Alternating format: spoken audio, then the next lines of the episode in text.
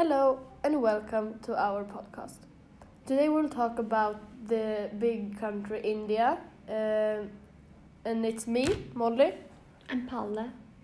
Yes. Uh, I want to ask you, Palle, Yes.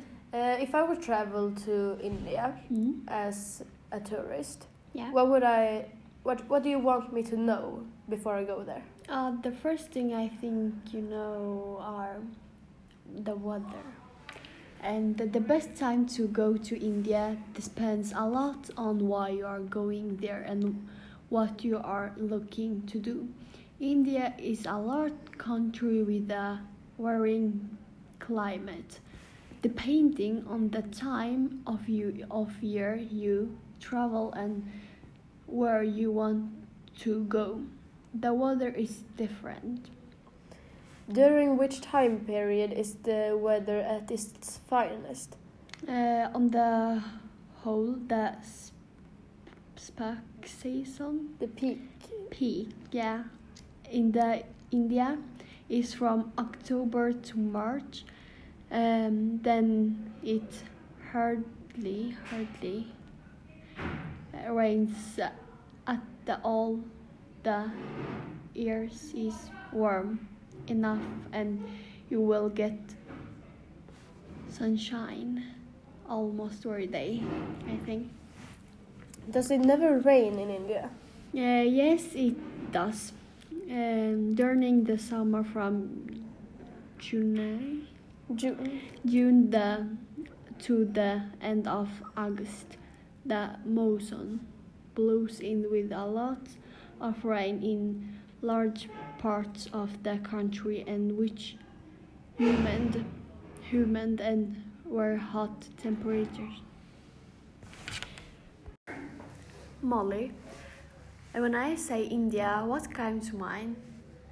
Um, well, I hear, when I hear India, I think directly of uh, you know this uh, great food. India is very known, well known for their food and uh, uh, big festivals. I see a lot of colors. You know. Yeah. Uh, what kind of food do you think of? Um, well, India is uh, mostly known for the big uh, uh, variation of stews. No chicken stew, maybe, and uh, uh, rice and um, different sauces Yeah. and a lot of taste. I think. How about taste? Uh, are there found from India? Uh, yeah, yes, um, there are. Uh, I, I would say India has their s- signature taste, you know, uh, different spices uh, that comes from India, uh, curry, tandoori, etc. Mm? Yeah. Um, they say that over 70% of the world's spices come from India. oh. And uh, you have the uh, the naan bread. Yeah. uh, that you eat uh, almost to every meal. Yeah. Molly, how are the schools in India compared to Sweden? Compared to Swedish schools, Indian schools are a lot different.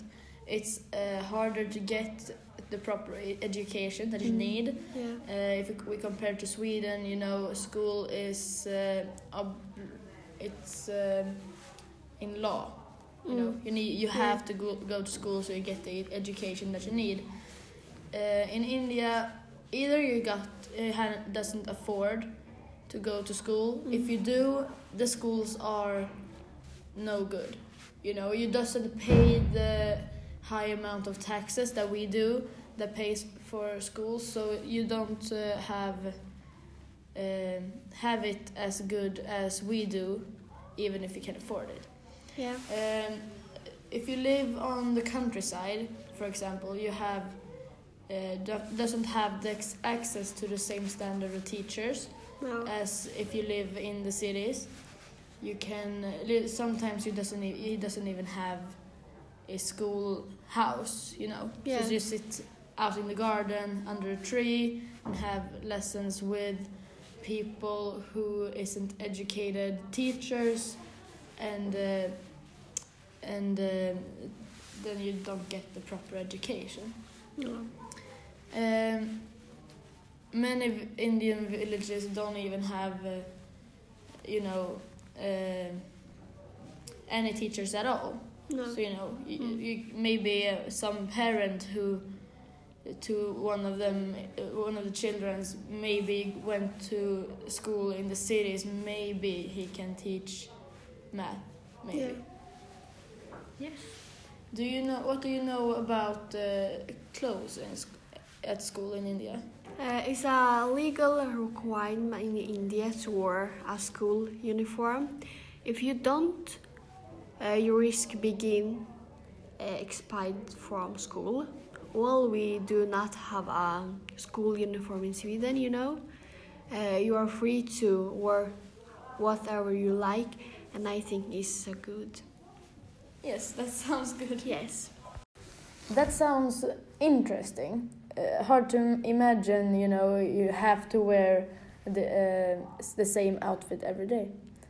Uh, if I would go to India, Yeah. what places should I visit? Uh, there are many great places to visit well in India. For example, Delhi. Delhi is India's political and cultural capital. It is so crowded. I don't know how I can say that. Crowded. It, it is uh, very many people. Yes, Yes. uh, that you have to uh, elbow your forward. forward. It becomes extremely hot in the summer and extremely freezing in the winter. Uh, the geography is at last flat, making travel easy. Any nice place is Goa.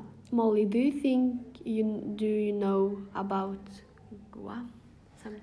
Uh, I've heard about it. Yeah. Um, I've never been there, doc. Uh, I've I've heard I've heard about it. Um, Goa sounds to be a very beautiful place. You Mhm. know, uh, uh, these white beaches and uh, uh, big uh, seas, Yeah. seafood. You know, like uh, shrimps touri- tourist attractions and uh, parties. Um, I, I, I've only heard good stuff about this place. Um, y- you know they got the big big parties. You know a lot of music, colors, dancing. Yeah. It sounds so adorable.